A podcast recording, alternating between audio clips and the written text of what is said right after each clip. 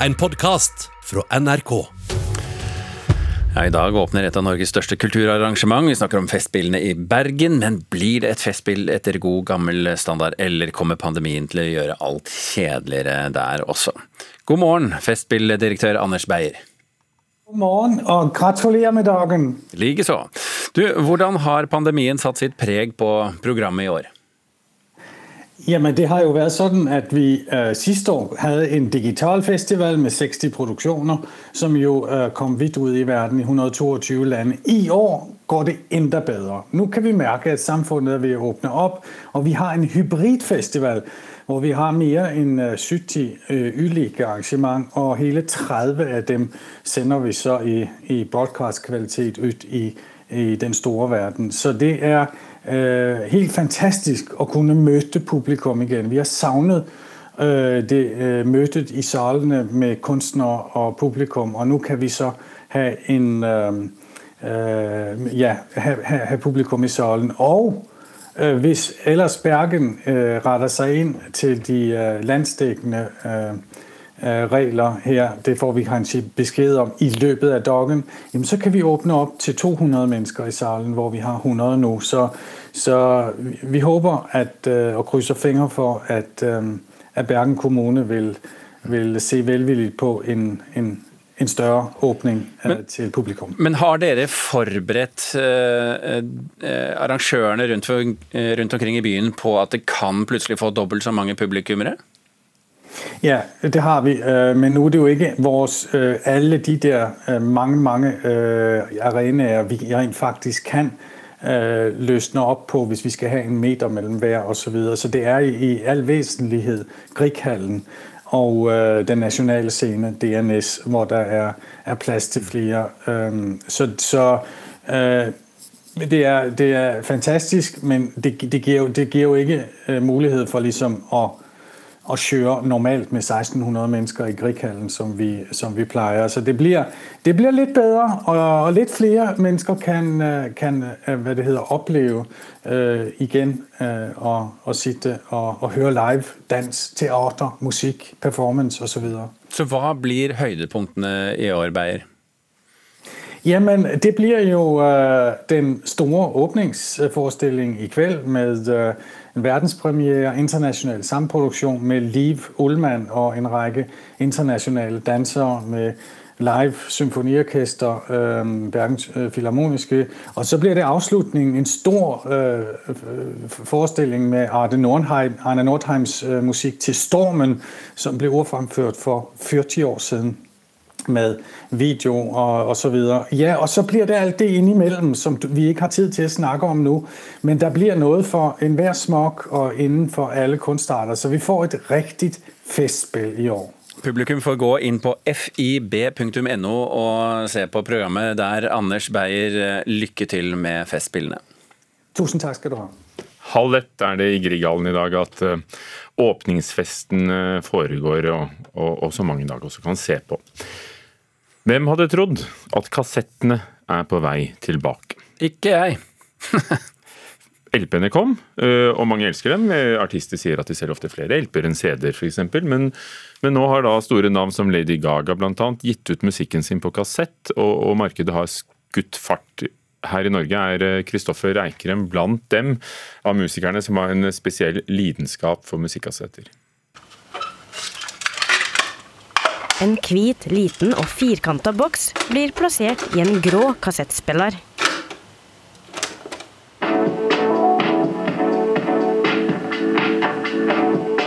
Som mange andre som er i 30-åra, så lytter jeg mye på kassett som barn. Så det gir jo litt sånn nostalgisk vibbe, det å kunne gi ut musikken sjøl på kassett. Musiker, produsent og komponist Kristoffer Eikrem har en spesiell kjærleik for kassett og gir sjøl ut musikken sin på dette formatet. Kassett er jo analogt, så det fargelegger jo musikken på en litt spesiell måte. Som også er ganske morsomt å høre på når den er ferdigstilt. da. Det er det flere som synes. Kassetten har nemlig aldri vært helt død. Den har faktisk levd i beste velgående i undergrunnsmiljøet. Men nå er kassetten sakte, men sikkert på vei opp til den store kommersielle markedet. Alt fra Lady Gaga til de aller største hiphop-stjernene de gir ut platene sine nå også på kassett. Og igjen så tenker jeg at det er viktig for dem å vise at de klarer å ha en liten finger ned i markedet og se på hva fansen vil ha. Det forteller Guttorm Andreassen, journalist og sjølerklært musikknerd. For de aller største popstjernene, som Lady Gaga, Billie Eilish, Dua Lipa og Taylor Swift, er blant de som nå gir ut musikken sin på kassett, og som også selger mest. De ligger nemlig på topplista for 2020, ifølge BBC. Det tyder på at det er aktuell musikk som er interessant for unge hipstere og andre som vil ha et eller annet de kan kanskje vise frem til vennene sine. Se, jeg har musikk! Se på denne! Det er en kassett! Å, kult! Kassettrenden starta for fire-fem år siden, og er aller størst utenfor Norges grenser. Bare i Storbritannia ble det solgt 160 000 kassetter i fjor, det høyeste salgstallet på 20 år. Den som, den som tar opp kassetten og spiller en kassett og har med seg en kassettspiller, sånn, altså det blir sånn what the fuck? hva, skjer nå? Slik forklarer Dag Inge Fjell, høgskolelektor i markedsføring, om hvorfor kassetten har blitt kult igjen. Altså Hvis da den som tar fram en kassettspiller og en kassett kan si noe vettugt om det, så blir jo vedkommende tillagt noen sånne helt, helt unike innsikter. Det skal likevel sies at kjøp og salg av kassetter er marginal sammenlignet med strømmemarkedet. Men Andreassen tror kassetten er levedyktig i åra framover. Det det blir en del av pakken. Du skal være til stede på alle sosiale medier, på alle strømmetjenester, og så skal du gi ut noen veldig dyre vinyler. Men kassetten er også veldig mye billigere både å produsere og kjøpe. Så det er en faktor som også kommer inn i dette bildet. I den totalpakken som en artist nå tenker på når de skal lansere ny musikk.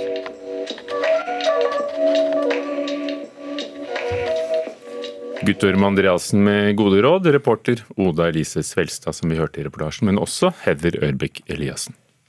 En ny medielov i India kan bety slutten for den krypterte meldingstjenesten WhatsApp der. Det frykter i hvert fall Facebook, og det er jo de som eier WhatsApp. Denne loven den skal tre i kraft i dag, men etter det nyhetsbyrået Reuters kjenner til, så har Facebook lagt inn en formell klage i et forsøk på å stoppe denne loven. Reporter Thomas, Al eh, Thomas Alvarstein Ove, du må fortelle oss hva, hva denne omstridte loven går ut på, egentlig? Først uh, hører det til å fortelle at det som skiller WhatsApp fra andre meldingsapper, uh, er at alle beskjedene er kryptert fra avsender til mottaker. Det gjør at det er vanskelig for myndigheter og eventuelt andre som måtte ønske å gå inn og se på hva slags uh, informasjon som flyter mellom brukerne. Dette har gjort appen populær i veldig mange land der ytringsfriheten står eh, svakt. Og I India har eh, allerede 400 millioner tatt denne appen i bruk. Den nye loven som eh, skal gjelde fra i dag, krever bl.a. indiske ledere i tekstselskapene at innhold som retten krever fjernet, blir fjernet innen 36 timer, og at brukerne har gode klagemuligheter. Men det problematiske er at avsendere av meldinger skal kunne identifiseres dersom myndighetene krever det. Og Hva er problemet med det? Facebook, som eh, eier WhatsApp, hevder at det da vil være en umulig oppgave å identifisere avsender uten at man også identifiserer mottaker, og at meldingene dermed heller ikke kan være kryptert. Dermed faller jo poenget bort for mange brukere av eh, appen. Og det setter også kommunikasjonsmulighetene for eh, mange som bor i strengt overvåkede land i fare.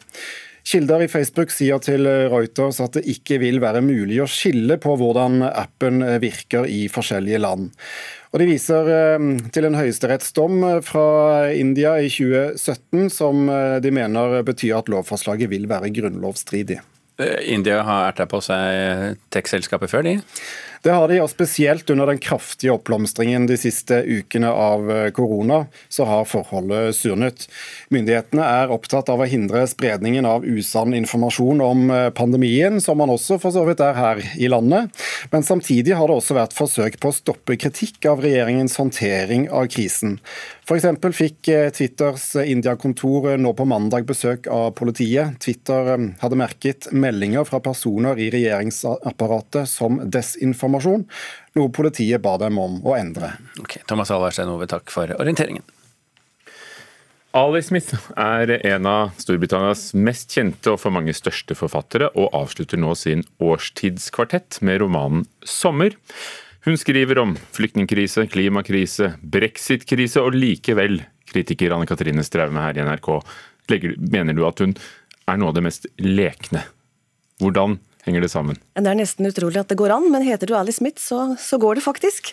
Hun har alltid vært opptatt av at verden er stor og mangfoldig. Den er grusom og vakker på en gang, den er traurig, men den er også full av humor. Eh, hun er opptatt av tid, om hvordan minner og historie knytter oss sammen og gjør oss til de menneskene vi er blitt i dag. Og så er hun en akutt politisk forfatter. Hun er opptatt av vår tid, hva som skjer, hva som rører seg i vår tid. Eh, og så skriver hun da med denne snerten som gjør at selv om hun tar for seg store problemer som nettopp flyktningproblematikken eller, eller klimakrise, så klarer hun å gjøre det på en underholdende og meddrivende måte. Kan du si litt mer om hvem Alice Smith er? Hun er en av eh, Storbritannias fremste forfattere, vil jeg si. Hun er født i 1962. Hun er skotsk, født i Inverness. Hun bor i Cambridge og har undervist ved universitetet der i litteratur. Eh, også skrevet for aviser som The Guardian og The Independent. Men nå skriver hun da på fulltid. Hun debuterte i 1995 med novellesamling, og senere så har det blitt flere novellesamlinger og romaner, og alle bøkene hennes, nesten tror jeg, er oversatt til norsk. Og hun skriver altså om identitet, om kjønn er hun opptatt av, tid. Hun har skrevet om folk som kan bevege seg fra et århundre til et annet. Hun skriver om folk som fremdeles snakker og har språket i sin makt etter at de er døde, f.eks. Så hun har ingen sånn grenser i det hun skriver. Hun er, hun er grensesprengende og åpnende og gir også et nytt blikk på verden, vi som leser. Så hun er alltid overraskende og ny. Så det blir liksom en sånn um, Du blir revet med av det du leser. Og i fire år, fra 2016 til 2020, da i Storbritannia, nå kommer den, det nyeste på, på, norsk, har hun da skrevet uh, høst, vinter, vår og nå sommer. Er disse bøkene typiske for forfatterskapet til Alice Smith? Ja, det vil jeg si det er, selv om hun nå er enda mer politisk enn hun har vært før. For det var den der opprivende brexit-debatten som jeg tror nok eh, ga liksom støtet til at nå må jeg skrive om vår tid. Der Dickens sier at uh, it was the best of times, it was the worst of times, så sier hun det var den aller verste av tider. Det var den verste, igjen! Og så kommer det da kritikk av politikere som lyver velgerne rett opp i øynene, eller som, som ikke vil eh, stole på forskning og fakta, f.eks. Som en motpol til alt dette da, så har hun f.eks. holdt holder hun frem et, et, vennskap mellom en nysgjerrig ung skolejente og en eldgammel mann. Eller hun skriver frem altså, uh, folk som William Shakespeare, Albert Einstein eller Charlie Chaplin, som har gjort, bidratt til å gjøre vår verden mer meningsfull. Kunsten betyr mye for Alice Smith. Du nevnte noen av temaene i sommer, men det, dette er jo en roman. Hvem, hvem, følger vi? Hva er handlingen her? Det er nesten helt umulig å si, fordi hun er så mangslungen. Det er så mange ulike parallelle historier som fletter seg inn i hverandre, og alt henger sammen med alt. Men Albert Einstein er liksom en, han er helten til en ung, ufyselig gutt som uh, syns alt er kjedelig, alt er umulig. Han snakker rasistisk på skolen og blir utvist, men han har en helt i livet, og det er Albert Einstein. Og så blir det en diskusjon om tid og rom, og hvordan um, partikler og materie kan påvirke hverandre, om hvordan mennesker kanskje kan påvirke hverandre når de møtes. Så her er det også uh, uventede møter som gjør at livet tar en helt annen vending, fordi du åpner deg for et annet menneske. Nå er jo årstiden eh, blitt et år, da, i, i fire bøker. Er det er det et poeng å lese alle sammen? Ja, det vil jeg si. Man kan lese dem hver for seg, men i og med at det er dette puslespillet hvor noen personer fra tidligere bøker kommer også i denne sommer, så, så vil jeg si at uh, du får bedre ut av det hvis du begynner med høst og så avslutter av med den fantastiske sommer. Det kan jo ikke være enkelt å gjendikte til, til, til norsk. Låter det bra? På norsk? Det låter så godt, og det er Merete Alfsen som har gjort en bragd vil jeg si, ved å oversette Alice Smith. For hun har dette lekende språket, hun har ordspill hele tiden, dobbeltbetydninger. Og hvordan skal du klare å få til det på norsk? Men det gjør altså Merete Alfsen, og hun har oversatt de fleste bøkene, tror jeg, til, til Alice Smith. De to har funnet hverandre, det er helt tydelig. Så heia Ali og Alfsen, sier jeg. Tusen takk, Anne Katrine Straume, om Ali Smith. Sommer. Vi kan lese denne og alle andre anmeldelsene våre på nrk.no. Anmeldelser. Du har hørt en podkast fra NRK. Hør flere podkaster og din NRK-kanal i appen NRK Radio.